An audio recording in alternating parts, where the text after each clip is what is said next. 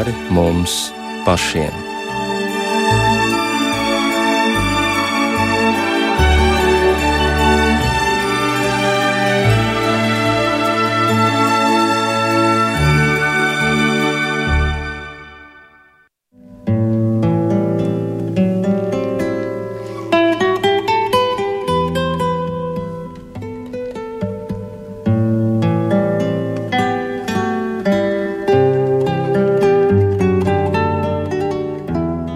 Esiet sveicināti rādījumā pāri mums pašiem, lai ir slavēts Jēzus Kristus. Studijā Inte Zēgnere mēs satiekamies Pulpo svētdienā, kas ievada klusās nedēļas, jeb ciešanu nedēļas notikumus, bet cauri visām ciešanām tomēr atklāja arī to, ka ir cerība, ir uzvara un ir augšām celšanās.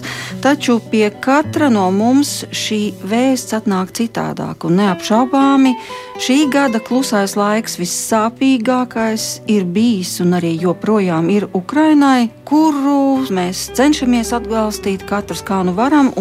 Šajā vakarā mēs satiekamies ar vairākiem ciemiņiem no Ukrainas, ar garīdznieku, baptistu misionāru Sviatoslavu Maiborodu, kurš nesen ieradies Latvijā un kura dēli joprojām ir Kijevā. Mūsu studijā ir diplomāte, bijusī vēstniece Norvēģijā un Islandē Judīta Dobele. Labvakar! Labvakar. Un uh, Judīta šobrīd ir iesaistījusies arī aktīvā palīdzībā Ukrāņiem. Kopā ar Judīti ir arī žurnāliste no Ukrainas Oksana Pugačova un publicists Arnis Šablovskis. Labvakar! Jā, bija domāts, ka šajā studijā būs arī vēl grieķu katoļu draugs pārstāvis Valdemirs Ivaņīckis, un tad mēs varētu sarunāties, dzirdēt šeit ukrāņu valodu un tulkojumu no ukrāņu valodas, bet, lai mēs varētu saprasties, tad šoreiz izvēlēsimies krievu valodu sarunā ar mūsu viesiem. Un noskaidrosim, kādi tad ir šie likteņu ceļi, kas ir mūsu viesus atveduši uz Latviju dažādās Latvijas pusēs labdarības organizācijas iesaistās, lai piedāvātu šo palīdzības darbu. Un tā tas ir arī Tukumā. Un tāpēc gribu vaicāt, Judīte, kā jūs esat iesaistījusies šajā Latvija-Ukraina palīdzības tiltā, ja tā varētu to nosaukt? Nu, kā jau droši vien visiem Latvijas iedzīvotājiem, tā vēsts par to, ka ir sācies karš, tā bija ļoti traģiska. Un es tajā laikā atrados ārvalstīs, un dažas dienas es arī paliku ārvalstīs. Bet jo vairāk es lasīju ziņas par to, kas notiek Ukrajinā, jo vairāk es pie sevis izlēmu, ka man ir jāatgriežas mājās un kaut kādā veidā jāiesaistās. Es saku kaut kādā, jo tajā pirmajā nedēļā man liekas, daudziem nebija skaidrs, ko tieši mēs varētu darīt. Bet es teiktu, tā, kas meklē, tas atrod. Jo es izlēmu, ka es gribu iesaistīties, un tiklīdz es nonācu pie cilvēkiem, kas jau sāka organizēties, un tā bija nevalstiskā organizācija, grib palīdzēt bēgļiem. Pie viena, otra, trešā, un tā mēs arī nonācām pie tā, ka es tiku iesaistīta transporta grupā. Un ko tas nozīmē? Un tas nozīmē, ka tika izveidota transporta grupa, kas palīdzētu Ukrāņiem, kuri vēlās aizbraukt no Ukrainas ka šī cilvēka grupa strādātu ar ukrāņiem, palīdzot viņiem izbraukt no Ukrainas, visbiežāk šķērstot Polijas teritoriju, Lietuvu un atbraukt līdz Latvijai. Ko jūs esat piedzīvojis pa šo laiku? Tā aktīvi sāk strādāt 1. martā, un man šķiet, nu, nepilnu pusotru mēnešu laikā, man šķiet, ka es esmu nodzīvojis veselu gadu. Jo tā pieredze un tie dzīves stāsti un tas, ko es dzirdu un redzu, tas noteikti nav miera laikam raksturīgi. Tie dzīves stāsti ir paši, paši smagākie, jo to cilvēku, kad tu viņu satiec, un kad izlasa vārdu un no kurienes viņi brauc, tu jau, protams, apskaties kartē. Un līdz ar to tu redzi, kāda ir situācija attiecīgajā rajonā, pilsētā. Un, protams, arī uzreiz skatāmies ziņas, un acīm redzot, tās ziņas mēs jau tagad skatāmies pavisam, pavisam savādāk nekā tas ir miera laikos. Man bija iespēja arī pašai aizbraukt līdz nelielai pilsētai Helmai, kas atrodas pie Polijas-Ukrainas robežas, ar autobusu un palīdzēt savākt cilvēku grupu no šīs vietas un atbraukt kopā ar viņiem uz Rīgu. Un tās stundas un tās sarunas, es teiktu, ka tiem, kas saka, ka Latvijā viss ir slikti, es viņus iesēdinātu šajā autobusā kopā ar tiem cilvēkiem un izrunāt tās desmit stundas kopā ar viņiem izdzīvot. Un tad es domāju, ka mēs šo savu tekstu, ka Latvijā viss ir slikti, mēs viņu noteikti nomainītu pilnīgi, pilnīgi pozitīvā virzienā. Bet kopā ar jums ir atbraukusi arī Oksana. Un ļoti gribētos dzirdēt arī Oksanas dzīves stāstu. Добрый вечер еще раз, Оксана. Оксана. Когда прибыли в Латвию? Kad jūs atbraucāt pie mums? здесь находимся с конца марта. 30 числа утром мы приехали в Рио. 30. Nu, martā mēs atbraucām uz Rīgu. Kāds ir jūsu stāsts, ar ko jūs nodarbojāties pirms tam? Es saprotu, ka mēs pat esam kolēģis kaut kādā mērā. Здесь перед отъездом. Jā, es nedaudz strādāju radio, bet pirms aizbraukšanas es biju galvenais redaktors, strādāju ziņu internetu portālā mūsu pilsētā. Мне позвонила моя сестра. Un tad kādu rītu man piezvanīja mana māsa un sacīja pie mums šauji. Mana māsa dzīvo 20 km no Krievijas Harkovas apgabalā. Всегда тяжело об этом говорить. Даже слово Украина Grūti par to runāt, pat vārds Ukraina izraisa asaras. Māsa piezvanīja un sacīja, ka šauj. А наш город, в свою очередь, находится совсем недалеко от линии разграничения, так называемой. Bet savukārt mūsu pilsēta atrodas pavisam netālu no demarkācijas līnijas. Par demarkācijas līniju mēs saucam robežu starp okupētajām teritorijām Luhansku un Doņetsku, starp šiem apgabaliem un mūsu Dņepropetrovskas apgabalu. Tajā brīdī mūsu pilsētu neapšaudīja, bet tagad, jā, tagad bombardē. когда началась война, у Un нас mēs to sapratām. меньше, видимо, стреляли. Тогда мы не слышали, не знали этого у нас в нашем Tad, kad городе. sākās, Тогда, когда tad vēl моя nebija сестра šīs слышала, apšaudes, живя bet за tagad 20 jau tā километров notiek. до границы с Россией. Э, Вот так началась моя история. Tā Со sākās звонком mans моей šis сестры. stāsts. Нас бомбят. Она мне Zvanīja позвонила, māsa, сказала, «Нас бомбят». ka notiek apšaude, notiek bombardēšana. Э, Я сказала, заправляйте машину. Es и teicu, выезжайте». sagatavojiet mašīnu un brauciet No. projām. С того дня и по сегодня они находятся в подвале. Выехать невозможно. Bet kopš tās dienas Tā mana mamma, līdz pat tā šai mana dienai sestra, viņas uzturas visa семья моей pagrabos, jo сестры. izbraukt nav iespējams. Tur ir mana mamma, mana Там māsa выехать невозможно. un С той māsas нет ģimene. связи. Сейчас э, в том районе высоковольтная линия сейчас не в рабочем состоянии. Šobrīd arī ar Нет māsu интернета, nav нет iespējams sazināties, электричества, нет jo мобильной ir связи. bojāta augstsprieguma Позавчера līnija, последний раз разговаривали, un она tāpēc успела nav мне interneta, nav сообщила, elektrības, что nav mobilo связи не будет sakaru. долго. Aizvakar Сбили mēs runājām высоковольtную pēdējo линию. reizi, un viņi man paguva uzrakstīt, ka sakaru ilgi var nebūt, jo ir sabombardēta augstsprieguma līnija. Bet tajā brīdī, kad mēs vēl varējām komunicēt, es zināju, ka starp viņas apdzīvoto vietu un Harkivu atrodas Krievijas karavīri, kontrolpunkti, kas nelaiž garām un var nogalināt vai arī nelaist garām. Piemēram, viens no tās dienas notikumiem, kad manas māsas ģimenes draugs brauca uz Harkivu pēc zālēm slimajai meitiņai, bet nokļuva apšaudē un atgriezās gan dzīves, bet bez zālēm, jo viņu nelaida aizbraukt līdz Harkivai. Nu, вот, поэтому моя сестра до сих пор там, а моя Lūk, tā, история такая. izbraukt Я nav iespējams, mana māsa как joprojām бы ir первую tur. часть этой войны я была волонтером, я помогала армии украинской. Bet mans stāsts ir tāds, ka šī kara iesākumā es kā brīvprātīgā palīdzēju Ukraiņu armijai 14., 15., 16. gadā. Я буду Un es jau выезжать. toreiz sapratu, ka būs šis karš, un es pieņēmu lēmumu, kad, kad tas notiks, es braukšu projām, jo es esmu atbildīga par saviem bērniem. Pavlograd, Un tā mēs izbraucām. Es nesāku gaidīt, kamēr sāksies bombardēšana. Kaut gan tagad mūsu pilsētu bombardē Pavlograda, Dņepropetrovskas apgabalā. Es esmu no turienes. Эвакуационный поезд Укрзалезницы. Evakuācija bija ļoti smaga. Ukrainas dzelzceļš, protams, cenšas apgādāt ar šiem evakuācijas vilcieniem. Vilciena vagoni bija ārkārtīgi pārpildīti. Mēs burtiski braucām uz Ļvīvu kā siļķes mucā. Neko nebija iespējams tikai stāvēt kājās. Atvainojiet, nebija pat uz to lietu iespējams aiziet. Parasti braucām uz Ļvīvu apmēram 8 stundas, bet šoreiz mēs braucām daudz ilgāk, vismaz divreiz ilgāk. Un visu šo laiku kāds sēdēja, kāds stāvēja, kādam vispār nebija pie kā turēties, kāds tamburā gulēja. наверное, по наивности своей, по Un tad, kad mēs aizbraucām uz Ļvivu, es acīm redzot, būdama naiva un tā kā man bija iepriekšējo ceļojumu pieredze, domāju, ka tagad es atradīšu kādu kafejnīcu, kaut kā sapratīšu, ko man tālāk darīt, atvēršu internetu, planšetē apskatīšos, kur tālāk braukt. Un jūs nezinājāt, kur jūs brauksiet? Nē, es nezināju. Es nezināju, uz kurienes braukšu. Cik bērnu jums divi? Mēs aizbraucām uz Ļuvivu, bet tur nebija labāka situācija kā tajā vilcienā. Ļoti daudz cilvēku bija. Cik daudz gadu bērniem? 3 gadi un 15. Un tad mēs tā ar grūtībām tikām līdz sarkanā krusta teltī.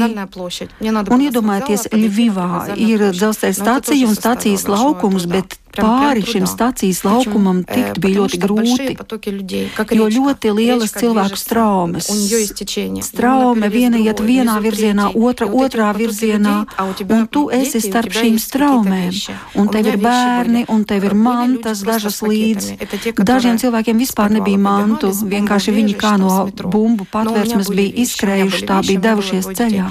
Bet man bija mantas un bērni, un ļoti grūti bija cauri šai straumē izlausties uztaisīja tie palātki. Paldies sarkanajam krustam, ka uzlika no šīs teltis, un tad mēs beidzot apsēdāmies. Bet koncentrēties nebija iespējams. Nemaz. Nu, jo viss bija zaudējis savu ierasto dzīvi. Bet man vēl Ivana-Frankovskā dzīvo brāļi, un viņi zināja, ka es braucu, un viņi mani pierunāja, lai es palieku kādu laiku tur. Tomēr es sapratu, ka tā ir tikai uz laiku palikšana, jo būs jābrauc tālāk. Nu, уговорили, nu, viņi man tomēr pierunāja, jo es nevarēju saprast, ko darīt. Stāv autobus uz Vāciju, uz Poliju, vēl uz kaut kurieni. Kurā tad kāpt iekšā? Kas mani tur gaida? Я же понимала, что я еду в Европу не на экскурсию. Un es taču sapratu, ka es braucu uz Eiropu ne jau uz ekskursiju. Es jau nebraucu skatīties Eifeļu torni. Es sapratu, ka man ir bērni un man ir atbildība par viņiem. Un iespējams, ja es kaut kur būtu ilgi dzīvojusi kādā citā valstī, man būtu vieglāk pieņemt lēmumu. Piemēram, es dzīvoju tur, tagad es pārbraucu uz to valsti. Bet es visu dzīvi dzīvoju Ukrainā un es mīlu Ukrainu. Un man bija ļoti grūti pieņemt lēmumu. Trīs nedēļas bija pie brāļiem. Bet visi zina, kā Krievi mīl Rietumu Ukrainu. Un, jo tālāk, jo vairāk arī Ivana Frankovskas apgabals tika bombardēts. Es dzīvoju tādā ciematiņā, kalnos, Karpatos, bet es sapratu, ka ir jābrauc tālāk. Tās trīs nedēļas, ko es pavadīju pie brāļiem, vismaz man ļāva saprast, kā rīkoties. Es domāju, ka mans stāsts ir līdzīgs varbūt tādā light versijā citu cilvēku stāstiem. Mans darba devējs deva man iespēju arī attālināti strādāt. Bet jūs jau saprotat, jūs kā žurnālisti zināt, ka nav iespējams attālināti strādāt, ja tu neatrodies uz vietas. Citiem ir daudz sarežģītāka situācija. Mana mamma, mana māsa, tie ir mani varoņi. Mana māsa iet laukā no pagraba, lai strādātu dārzā. Iedomājieties, cik lielas ir dzīves augas. Ja neraugoties uz to, ka notiek apšaude, notiek bombardēšana, viņa iet un strādā dārzā, lai sagatavotu dārzu.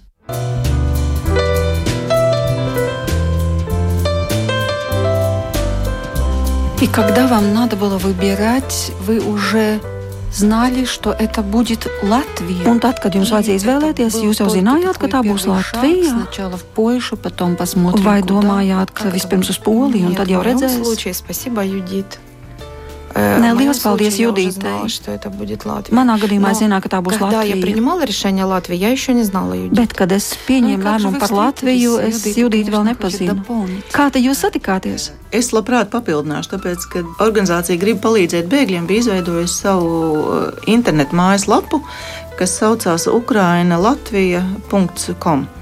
Un šī mājaslapa tika izveidota ļoti, ļoti ātri, un mājaslapā bija divas daļas. Tā sadaļa, kur man ir vajadzīga palīdzība, un otra sadaļa, es gribu sniegt palīdzību. Un šī mājaslapa ir strādājusi kopš savas pirmās izveidošanas dienas, es teiktu, pat ideāli. Tāpēc, ka ir e, trīs valodās informācija pieejama, ļoti ātri informācija bija ukraiņu valodā, līdz ar to, kā Oksana saka, viņi meklēja internetā kādas ir iespējas, piemēram, nu, ja pēta valsts, kad kādas ir iespējas pieteikties un vai piesakās cilvēku un, un kā to izdarīt, tad es domāju, ka šī mājaslapa ir izpildījusi savu funkciju. Jo tas ir veids, kā tie cilvēki mūs sasniedz. Visi tie, kuri meklē, uz kurien viņi brauks. Un tad, kad šī pieteikuma anketa mājaslapā ir aizpildīta, ka man ir nepieciešama palīdzība, katrs no patvērumu meklētājiem pasaka, kāda veida palīdzība viņam ir vajadzīga. Un liela daļa atzīmē to, ka viņiem nav transports un ka viņi vēlās nokļūt, nu, piemēram, uz Rīgu, visu, uz galvaspilsētu. Un līdz ar to, eh, tikko šāds pieteikuma forma ir aizpildīta, tā šie cilvēki uzreiz nonāk, nonāk vienā lielā, lielā sarakstā, kurā mēs redzam visu to informāciju, kas ir aizpildīta. Viņi arī, viņi arī atspoguļojuši šajā tabulā. Un tur ir arī klāts telefons. Un tad mūsu foršā transporta koordinātora grupa ir tā, kur ķerās klāt šai tabulai, un katram no šiem cilvēkiem zvana. Un man bija tā laime, kad es satiku Oksanu caur telefonu. Какова была ваша встреча? Kāda bija jūsu tikšanās? Знаете, даже в такие сложные моменты Бог дает людей вовремя. Arī tādos sarežģītos apstākļos Dievs dāvā cilvēkus. Среди множества волонтеров. Мы разные. Волонтеры тоже люди. Arī brīvprātīgie ir dažādi. Недостатками, достоинствами. Нам с детьми. Bet mums ar bērniem. Mums Dievs uzdāvināja Judīti. Es esmu tik pateicīga. И все люди, которые, которых я знаю, мы, я и немного знаю в Тукумсе таких. Un arī visi citi cilvēki Tukumā, neviens neko sliktu nav teicis. Visi ļoti labām atsauksmēm. состоялась в Польше? Polijā jūs satikāties? В Риге. Мы доехали в Ригу. Nē, nē, mēs atbraucām uz Rīgu. Я еще находилась в Карпатах, в том селе. Мы, я была там, когда Es vēl atrados Karpatos, kad mēs sazvanījāmies ar Judīti. Tad Polija, un tad Polijā es nevarēju saprast, kā man rīkoties. Bija tādi momenti organizatoriski. Judīta pateica priekšā un palīdzēja. Patiesībā manā vietā izpildīt darbu. И, и потом мы приехали. Знаете, волонтеры, це поклик серця. Это я говорю на украинском языке. Это зов, зов сердца. Zinat, brīvprātīgie, tas ir sirds aicinājums. Этот случай Юдиты. Un Judīte ir tieši tāda ar sirds aicinājumu. Я смотрю всю себя. Es redzu, viņa visu sevi velta šim darbam. Волонтеры у нас на Украине, когда мы помогали армии, начинал кто-то один, потом я не Brīvprātīgie, kad mēs armijai palīdzējām Ukrainā, sāka kāds viens no ģimenes, bet pēc tam pievienojās visa ģimene. ту же историю, которую вы прожили. Мы все равно в вашей стране, мы все равно Un lai arī mēs šobrīd ejam cauri tiem notikumiem, kuriem jūs savulaik gājāt cauri, bet tomēr mēs jau tik daudz šeit nezinām. Mums ir jāpaskaidro, mums ir jāpalīdz. Un tas ir Judītas gadījums, ka viņa tik ļoti palīdz. Es varētu piebilst, ka no tā pirmā zvana, tas pirmais zvans ir droši vien tas izšķirošais, jo tas ir tas brīdis, kad es stādos priekšā ka es esmu Judīte, es esmu no Latvijas un es gribu palīdzēt. Un gribu palīdzēt ar to, kā jūs nokļūsiet. Nokļūsiet līdz Latvijai, jo tā ir tas jūsu pieteikumā ir rakstīts, ka jūs vēlaties, lai mēs palīdzam. Un tad mēs sākam runāties. Un tā pieredze, nu, runājoties ar cilvēkiem, ir ļoti dažāda. Ir tādi, kuri neusticās, Un tad es sapratu, ka man vienkārši jārunā tiem cilvēkiem tā, lai viņi uzticētos. Jo mūs šķiet tūkstoši kilometru, un tam cilvēkam tajā telefona otrā galā ir jānotic ka es viņam palīdzēšu. Pirmais, kas viņam palīdzēšu, un tad man ir jā, jāspēj izskaidrot, kā es palīdzēšu. It kā ļoti vienkārši. Nu, lūk, šis pirmais kontakts man šķiet ir pats pats svarīgākais. Un tad, ja tas kontakts ir un tie cilvēki notic, tad arī notiek tie vispārējie brīnumi, par kuriem mēs šeit runājam. Jo cilvēkam ir jāpalīdz, ir jāzina, kā no punkta A nokļūt uz punktu B Punktā B es esmu sapratusi, ka cilvēkam ir jāatpūšas, jo viņi, tie cilvēki no Ukrainas nāk ārā stresaini, nezinoši, noguruši. Un brīžam ir tā, manā pieredzē ir bijis tā, kad atvedot cilvēkus naktas vidū uz, uz tukuma, lai viņus ieliktu viesnīcā, viņi no rīta saka paldies par to, ka viņiem ir bijusi silta telpa, balti palagi, un viņi varējuši iet dušā. Viņi saka, un pārējais šajā dzīvē vienkārši nav svarīgi. Un līdz ar to šis palīdzēšanas moments, sapratne un iejūtība un spēja tam cilvēkam kaut vai vārdiski palīdzēt, arī tā jau ir daļa no palīdzības. Jā, mēs šodien esam pagodināti, ka mūsu vidū ir Ukrāņu misionārs, Baptistu baznīcas mācītājs Sviatoslavs Maiboroda. Приветствуем вас в Латвии и Спасибо. И я хочу, конечно, и Esiet sveikts Latvijā un gribu arī sveikt visus radioklausītājus un teikt miers jums un žēlstība no Dieva. Un paldies, ka jūs piedalāties daudz Ukraiņu dzīvē šajā laikā.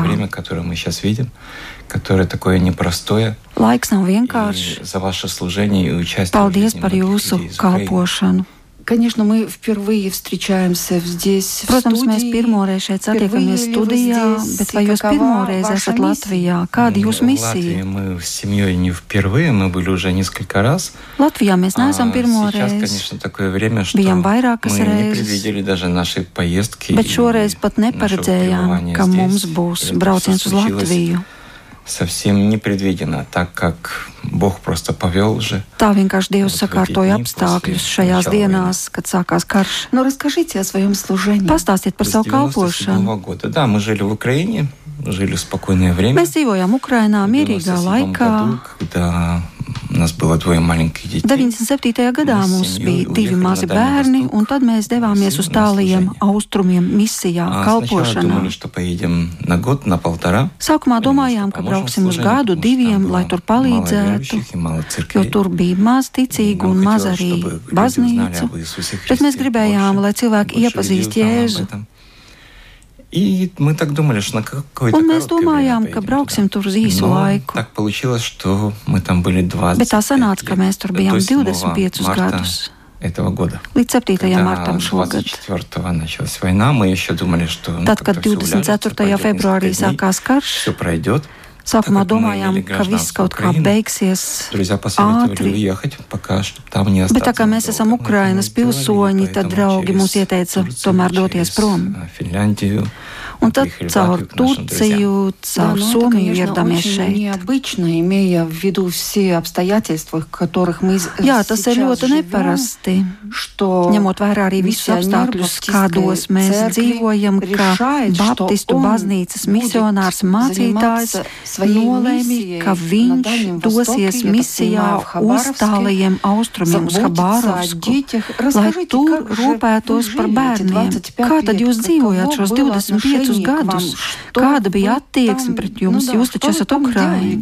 Ko jūs tur darījāt? легко ли это было проводить такую миссию на Дальнем Востоке? Да, многие люди себя считают верующими людьми. Наверное, я думаю, процентов 90 считают себя верующими людьmi. Jā, daudz cilvēku uzskata sevi par ticīgiem cilvēkiem, un arī tur, bet tie, kuri patiešām pazīst Jēzu, tādu nav daudz.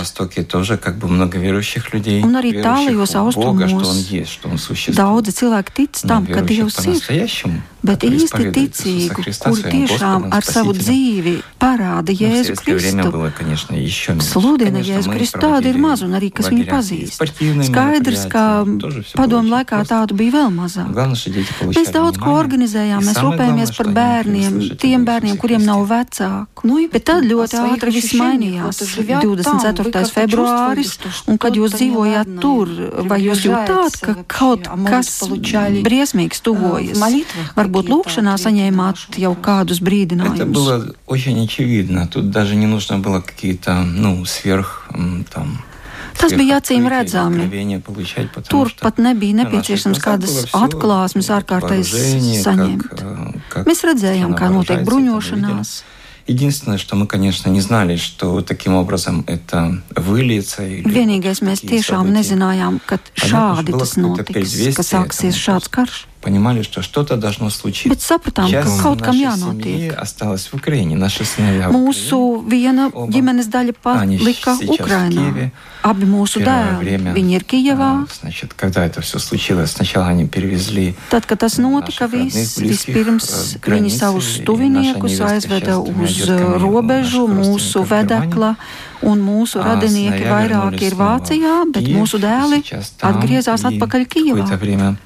какое-то время Они помогали переезжать Un людям. viņi palīdz Сейчас больше там на pārbraukt месте cilvēkiem, помогают, tagad viņi tur ir как uz могут, там, vietas un транспортом dara, перевозить ko var. что-то. Мало об этом говорят, но говорят, не Daudz par переживайте, to мы nerunā. Можем участвуем. Bet Как они вообще Дара характеризуют эту всю обстановку? Ko viņi Мы всё saka время в jums? медиях слышим, mēs ну, точно mēdījos dzirdam абсолютный briesmīgas ужас. lietas par to, Я kas вам notiek скажу, apkārt. что, на мой взгляд, да, конечно, мы с ними общаемся каждый день. Jā, protams, mēs Moļamies ar viņiem prieži, komunicējam katru только за dienu, наших родных и lūdzamies близких, gan молимся par за всех viņiem, людей в bet ne Украине. tikai par viņiem.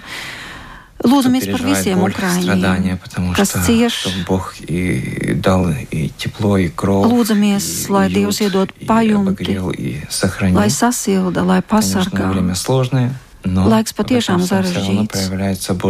Bet tik un tā Dieva žēlstība ir pāri visam, un to arī Ukrainā var redzēt. Tas ir acīm redzams. Pat daudzas bumbas nesprāgst, vai arī, piemēram, nesasniedz tos punktus, ko gribēja sasniegt. Šis jūtceklis ir daudz tādu pazīmju, kas liecina par to, ka Dievs Ukrainai palīdz. говорили, что много чудес увидела Jā, jūs Украина в эти sacījāt, дни. ka Вот вы говорили daudzus насчет, brīnumus э, Ukraina šajās этих dienās ir бомб, которые не ieraudzījusi. разрываются. Gan par šīm Есть bumbām, еще kas nesprāst, какие-то, vēl вы kas можете var būt. поделиться? У Varat моей padalīties. супруги мама там, ну мы говорим мама, да? Значит, мама Jā. там, в городе Белая Manas Церковь. sievas māte, Она живет в пятиэтажном доме на пятом этаже. viņa dzīvo Вот tur когда мы уже были piecstāvu здесь, mājā, ей перезвонили. Un, kad mēs jau bijām šeit un viņai piezvanījām, mēs teicām, varbūt tu tomēr brauks uz šejieni. Viņa teica, ko jūs, man viss labi? Man pat ir stikli saglabājušies mājās, jo divās blakus mājās ir stikli izsisti. двух сторон выбиты стекла, выбиты окна взрывами. sakarā ar Она sprādzieniem. говорит, у меня даже окна целые. Bet viņi saka, man ir И ко stikli мне pat приходят veseli. соседи, и мы молимся Un вместе. pie manis nāk Jā, kaimiņi, bet un viņi mēs nevar kopā paiet, lūdzamies. Es nevaru nekur braukt, jo man ir Viņiem kalpošana, man jāpalīdz kaimiņiem. Вы теперь, когда в Латвии, в Риге, Jūs tagad, kad esat Latvijā, с Rīgā, вашим служением, я понял, а, как минимум раз в неделю вы возвращаетесь в jūs Польшу и vismaz служите reizi там, nedēļā а, braucat uz людям, Poliju, lai результаты. palīdzētu Да, cilvēkiem в pārbraukt. этот- Вот в понедельник мы снова собираемся. Jā, ехать pirmdien в mēs Польшу atkal на несколько brauksim uz дней. Poliju uz vairākām Это dienām. такое особенное место, когда люди только пересекают Un tā ir границу. tāda īpaša vieta, Вот kad прошло cilvēki совсем tikko мало šķērso времени от robežu. того, что, что они пережили там. Ļoti neliels Можно так posms сказать, на šķir no tā, передовой, ko viņi ir да. Разные pārdzīvojuši tur. случаи есть, конечно.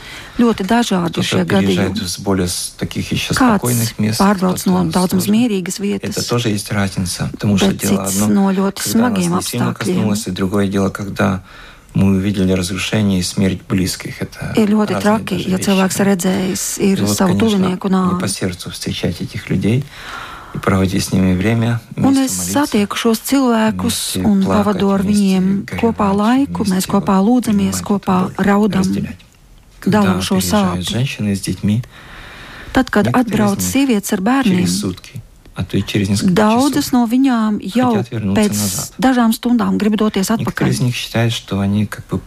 Viņas uzskata, it kā būtu nodevušas savus vīrus.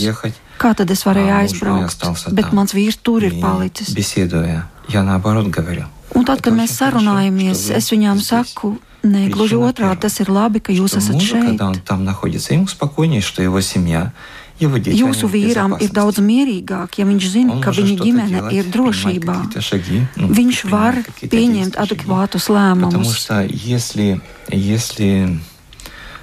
семья на месте, ты п- постоянно переживаешь. Jo, просто, ja ну, ģimene там, ir телефон turpat kaut kur отключился, еще netālu, что-то. un tu visu laiku Ты par не будешь pārdzīvo чувствовать par себя viņiem, спокойно, kas notiek, un ja занимаясь pēkšņi тем, vēl что ты telefons делаешь. nestrādā, tev Un- visu un laiku я говорю, uzmanība ir поэтому очень хорошо, sadalīta. что вы Tu здесь, nevari и koncentrēties вашим uz savu близким pienākumu, тогда kas tev ir спокойнее могут что-то jāveic. делать. Таким образом, да, я вижу, что м, многим женщинам, правда, становится легче. Un tā es redzu, ka daudzām Потому что sievietēm no вот šīm таких простых pārunām, un no šī беседах paskaidrojuma kļūst Они получают vieglāk. вот этот мир. Понятно, что все непросто. Skaidrs, ka nekas nav vienkārši. Priekšā ir nezināms ceļš, apstākļi. Все, все по-разному. Но, Viss тем ir не tik менее, dažādi. мы всегда говорим, что если вы будете обращаться Bet к mēs Иисусу sakām, Христу, если вы ja будете jūs просить lūgsiet Бога о Jēzu, помощи, prasīsiet Он слышит pēc молитву, вы должны palīdzības, знать viņš об этом. dzird jūsu Он lūgšanas, отец viņš сирот, palīdzēs. вдов, Viņš он ir побеспокоится, atrāņu, он знает, bāreņu что где вы aizbildnis. и как вам помочь. Viņš zina, kā palīdzēt. Ну и судя по тому, как сражаются Nu, un redzot, kā Ukraiņi, tur Ukrainā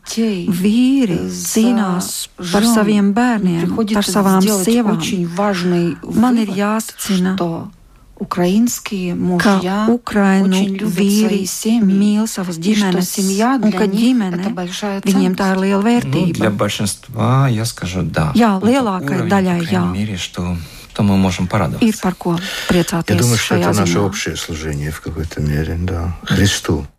Какова же ваша жизнь? Kāda jūsu dzīve tukumā? Нам просто повезло во всем. Mums У нас ļoti ir есть, paveicies ar э, На visu. сегодняшний день хорошая квартира. Mums ir labs Где есть dzīvoklis. все. Нам просто Tajā э, ir открыли viss. двери, сказали, Mums заходите atvēra и durvis un живите. teica, nāciet un Везде dzīvojiet. нас понимают. Visur В mūs магазинах, saprot. если понимают, что я из Ja Украины, veikalā saprot, ka могут es esmu или no просто по Ukrainas, плечу, знаете, vienkārši так, vai nu paglaudu м, plecu, ободрительно, с поддержкой. Э, Кто-то может приобнять, кто-то может kāds спросить. apskauj, kāds как там, pavaicā, как kā вы. tur pie jums, kā Э, jūs. Ну, на э, уровне человеческих отношений Cilvēcisko attiecību все хорошо, līmenī все viss замечательно. На уровне brīnišķīgi. обслуживания Un государства arī тоже valstiskā всё хорошо. līmenī arī viss Но я labi. так понимаю, что вы три страны, э, Латвия в том числе, которая м, настолько понимает нас, Es saprotu, ka jūs, Baltijas с nami valstis, всё jūs это tik время. ļoti mūs saprotat. Gribu vaicāt vēl Judītai, cik tad ir liela Ukrāņu kopiena tukumā šobrīd? Uz 7. aprīli Tukums bija uzņēmis eh, 559 Ukraiņas iedzīvotājus. Un man šķiet, ka tas skaitlis priekš vienas mazpilsētas, nu, un, un arī priekš novada, ir salīdzinoši liels. Ne tikai Tukuma pilsēta ir uzņēmusi patvērumu meklētājus no Ukrainas, bet ir uzņēmuši arī, arī Kandevi ir uzņēmusi, ir, ir arī Džūkste, ir Engure, ir Apšciemā, ir Jaunpilī un vēl visas vietas, droši vien, kuras varbūt es arī pat nezinu, kur ir šie cilvēki atrodas. Bet es gribētu teikt, ka atsaucība ir ļoti, ļoti liela. Ļoti liela. Paldies visiem, kas ir uzņēmuši. Arnis man pirms raidījuma uzdāvināja avīzi neatkarīgās tukumas ziņas, kur es gan pirmajā lapusē varu izlasīt eh, tādu virsrakstu šajā laikā, kad Kristus ir Ukrainis.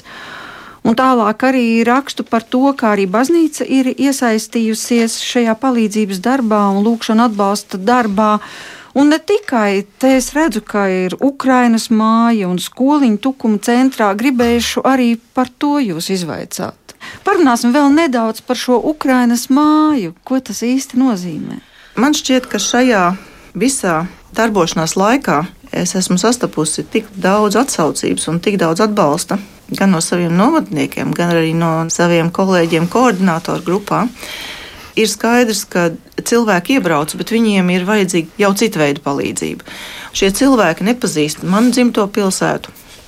Mm, Viņiem ir vajadzīgs kāds, kas, viņu, kas viņiem palīdz sakārtot visus dokumentus, reģistrāciju, saņemt vīzu, varbūt aiziet pie ārsta, sameklēt skolu. Mums tas liekas nu, tāda ikdienas sīkuma. Bet cilvēkam, kas ir iebraucis, tas droši vien šķiet grūti, sarežģīti. Un līdz ar to man radās ideja par to, ka vajadzētu Ukrāņu māju. Jo tā ir tāda viena vieta, kas atrodas pašā pilsētas centrā, uz kurien varētu atnākt gan tie, kas grib atbalstīt, gan arī tiem, kam šis atbalsts nepieciešams. Nu, notika brīnums, droši vien jāsaka tā, jo, jo es satiku Liliju, kas ir Ransāna fonda dibinātāja un izveidotāja. Un viņa teica, jā, mums šeit telpas ir stāvējušas tukšas visu Covid laiku, kamēr mēs nevarējām darboties, viņi ļoti laipni ir uzņēmuši šo te Ukraiņu māju pie sevis. Jā, skaistā vietā atrodas šī Ukraiņu māja, adrese Brīvības laukums 13. Bet kas tad tajā notiek? Māja bez iedzīvotājiem nav nekas. Un tāds ir vienmēr bijis. Un līdz ar to mums ir, mēs meklējam savus pirmos iedzīvotājus, un pirmie iedzīvotāji ir Ukrāņu sestdienas skoliņi. Tas ir līdzībās domājot par to, kas ir latviešu e, sestdienas, svētdienas skoliņas ārzemēs, jo tā ir tā vieta, kur es esmu redzējusi, ka cilvēkiem, vecākiem kopā ar bērniem patīk sanākt kopā. Bērni mācās dažādās zinībās un gudrībās, vecāki satiekās un arī ir iespēja apmainīties ar domām, idejām un parunāties vienkārši. Vai izdzert kopā kafiju, vai nosvinēt svētkus. Un domājot līdzībās, esmu uzrunājusi arī tos cilvēkus, kas ir atbraukuši no Ukrainas, piedāvājot šādu iespēju. Mēs solīt pa solītam gatavojamies lieldienām. Latvijā lieldienas būs pēc nedēļas, bet Ukrāņiem būs pēc divām nedēļām. Tātad šī tēma jau ir mūsu vienojošā tēma. Judita teica, ka jūs gatavojaties lieldienām. Cik tas ir svarīgi Ukraiņiem? Pascha tradicionāli atmičājas no Ukraiņa. Lieldienas tradicionāli tiek svinētas Ukrainā. Tie ir gaišie svētki Неделя, что это две. Nu, trīs, может быть, месяц. Mēs, kad sākās karš, domājām, ka tas būs īslaicīgs, bet tagad jau ir pāri 40 dienām.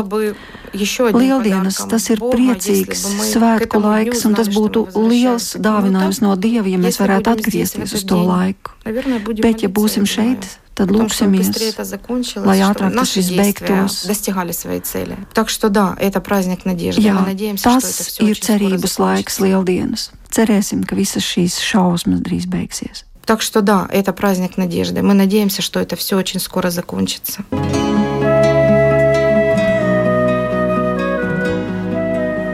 Tiešām tuvojas lieldienas, un tas vienmēr vieš cerību. Cerību uz augšām celšanos, jebkurā gadījumā, bet nu, šim klusajam laikam ir jāaiziet cauri. Bet 18. aprīlī Tukumā arī notiks kāds īpašs notikums, kas arī būs saistīts ar Ukrajinu un noteikti būs saistīts arī ar lūkšanu. Jā, interesantā veidā šī ideja piedzima, jo mēs satikāmies ar Tukuma novadā man ļoti svarīgu kristieti Viljamu Šulcu, kas ir kustības pakāpieni vadītājs un plānojām. Lūkšana brokastis, kas arī notiks 30. aprīlī, kas arī būs veltītas Ukrainai. Mēs vāksim arī ziedojumus tur, atbalstot novada Ukrainas bēgļus. Uh, bet Viljams uzdeva šādu jautājumu, bet tuvojas lieldienas, vai tiešām mēs nevaram kaut ko īpašu kopā viņiem svinēšanu? Un viņam radās tā doma, un varbūt tezē kustības klostera stilā, jo tezē ir kaut kādā ziņā ārpus konfesijām, akcentējot kristietības būtību. Un es aizgāju ar šo domu pie Mārķa Zeiferta. Tukuma Lutāņu baznīcas prāvesta, zinot, ka viņš arī ir ar tezē garīgumu cieši saistīts. Un šis ļoti viegli un dabiski notika. Mēs izvēlējāmies šo datumu, 18. aprīli, pulkstenis 3. Pulkstenis 3 ir tā stunda, kur kristieši, viena daļa kristieši uzskata simbolisku stundu, kurā Kristus ir uz krusta. Bet tā ir arī žēlsirdības stunda. Un reizē žēlsirdības stunda. Un tad lēnām, lēnām pieslēdzās. Izrādījās, ka Tukumā ir Ieva Jurga, muzeķe, kādu gadu, šķiet, vai pāris gadus viņa dzīvo, kura ir ļoti cieši saistīta ar tezēju mūziku. Visi cilvēki, kas to var nodrošināt, ir. Un tad arī Dievs deva šī raidījuma dalībnieku, baptistu misionāru, mācītāju. Svētoslavu Maibarodu. Svētoslavu Maibarodu, jā. Ukraiņas vēstnieks Latvijā izrādīja interesi piedalīties šajā notikumā. Pēc tam viens no Latvijas labākajiem pianistiem, kas dzīvo novadā, Vestats Šimkus, piekrita muzicēt, un tad izrādījās varbūt neizcilākās klavieres novadā. Ir Tukuma Lutāņu baznīcā, bet ar izcilu nosaukumu Ukraina. Līdz ar to viss salikās, un mēs tiksimies, svinēsim. Un šodienas saruna man jau liek domāt, ka pēc nedēļas, tajā svētdienā, kas ir Ukraiņas lieldienas, mums būs vajadzīgs vēl viens notikums. Bet šī būs tāda tikšanās, jau, jau kopienas veidošana, tukuma novada kristiešiem ar ukrāņiem. Tātad veidos jauna draudzene, kas regulāri tiksies, atbalstīs viens otru. Tā kā nu, šī ir tāda dieva dāvana. Ja tu raidījuma sākumā teici, nu, mēs visi pārdzīvojam to, kas notiek tur, bet viena no tukuma kristietēm man teica, ka viņa aizlūdz, viņai ir skaidrs, ka tas notiek viņas pagalmā, un viņai ir taisnība. Tas notiek šeit, tas nav tikai tur. Vēl es gribētu lietot vārdu kopā, jo kopā mums visiem ir šajā brīdī milzīgi daudz labestības un vienotības sajūtas un mums ir ļoti, ļoti daudz vēlmes palīdzēt. Un tas viss kopā veido vienu milzīgu pozitīvu enerģijas lādiņu, kas ir tas pretmets tam, ko mēs esam piedzīvojuši 2021. gadā. Kad man personīgi bija tāda sajūta, ka pasaulē sliktais ņem virsroku, bet šis marts jeb šis pusotrs mēnesis, ir devis tādu milzīgu gandarījumu sajūtu par to, ka Latvija atkal var sanākt kopā, kad ir ļoti daudz pozitīvas enerģijas, kad ir ļoti daudz gribas palīdzēt. Un es ļoti, ļoti ceru, ka šī pozitīvā enerģija būs vērsta ne tikai mūsu patvērumu meklētāju virzienā, bet ka šī pozitīvā enerģija būs vērsta arī mūsu pašu virzienā. Ka mēs gribēsim viens otram palīdzēt, un ka mēs gribēsim būt kopā, un mēs gribēsim būt vienoti. Klausītājiem es novēlu rast atbildes, meklēt tās, tīpaši šajā nākošajā nedēļā, kas ved mūs pretī lieldienām, bet noslēgt aicinu ar lūkšanu, ko sacīs mūsu viesis, misionārs, baptistu garīdznieks Sviatoslavs Maiboroda, un šī lūkšana izskanēs Ukraiņu valodā. Я бы хотел такое дать пожелание, да. Es vēl gribētu novēlēt, Любите свою страну. mīliet Любите savu свой народ, valsti, savu свой tautu, язык, свое savu отечество, valodu, savu свои tēvzemi, традиции. tradīcijas. Это все очень хорошо. И цените то, что, то, что есть. Цените Novērtējiet to, свободу. kas jums ir, Свободу novērtējiet нужно ценить brīvību. всегда. И понимать ее ценность. Ценность свободы Jāsaprot, очень ir высокая. brīvības vērtība, tā ir augsta. Дорогий Господь, ми дякуємо Тобі за цей час, е, за мирне небо над головою, за те, що маємо можливість ще е, з- об- звертатися до Тебе в своїй молитві. Дякую тобі за друзів, дя- дякую тобі за багатьох людей, які підтримують, які приймають участь в служінні людям другим. Дякую тобі за участь е, в житті багатьох людей, які приїхали зараз з України. І в такий тяжкий для них час ми бачимо цю підтримку і дякуємо тобі за те, що є ще багато людей, які вірно розуміють і твою волю, і йдуть за нею. Дякуємо тобі за все. Господь мой, Бог мой, благодарю тебя за все благодеяния, Mans kungs un которые ты Dievs, совершаешь. pateicos Благодарю тебя за то, что par visām все, žēlastībām, что ko tu mums случается на dod. земле, мы понимаем, что Par to, под- ka viss, под, lai kas э, arī твоим nenotiktu контролем. virs zemes, ir zem tavas Бывает сложно что-то kontrolas. принять. Dažkārt Господи, grūti бывает. to ir saprast, Bывает, мы не grūti понимаем, daudz ko почему так pieņemt. происходит. Un mēs Мы nesaprotam, тебе kāpēc доверяем. tā notiek, bet mēs Благодарю tev тебя за uzticamies. Mēs pateicamies par daudziem cilvēkiem šeit, kas ir uzņēmuši šeit ukrāņus, маленьких, Господи, sievietes, bērnus, за все, mazuļus, что, что здесь происходит, par за atbalstu. такую большую поддержку. Благодарю Тебя, Господи. Paldies, Tev, Kungs! Благодарю Тебя за то, что Ты пришел в этот мир Es pateicos, и ka прежде atnāci всего šajā даровал нам pasaulē свободу. un dāvāja mums Несмотря на все brīvību, обстоятельства, neraugoties ne uz kādiem несмотря apstākļiem un Несмотря на grūtībām. все, что происходит, наша свобода в Тебе. Mūsu brīvība ir Спасибо Тебе Tevī. за это. Paldies Tev Благодарим par Тебя to! И просим во имя Mēs slavējam un lūdzam Jēzus Kristus vārdā. Āmen!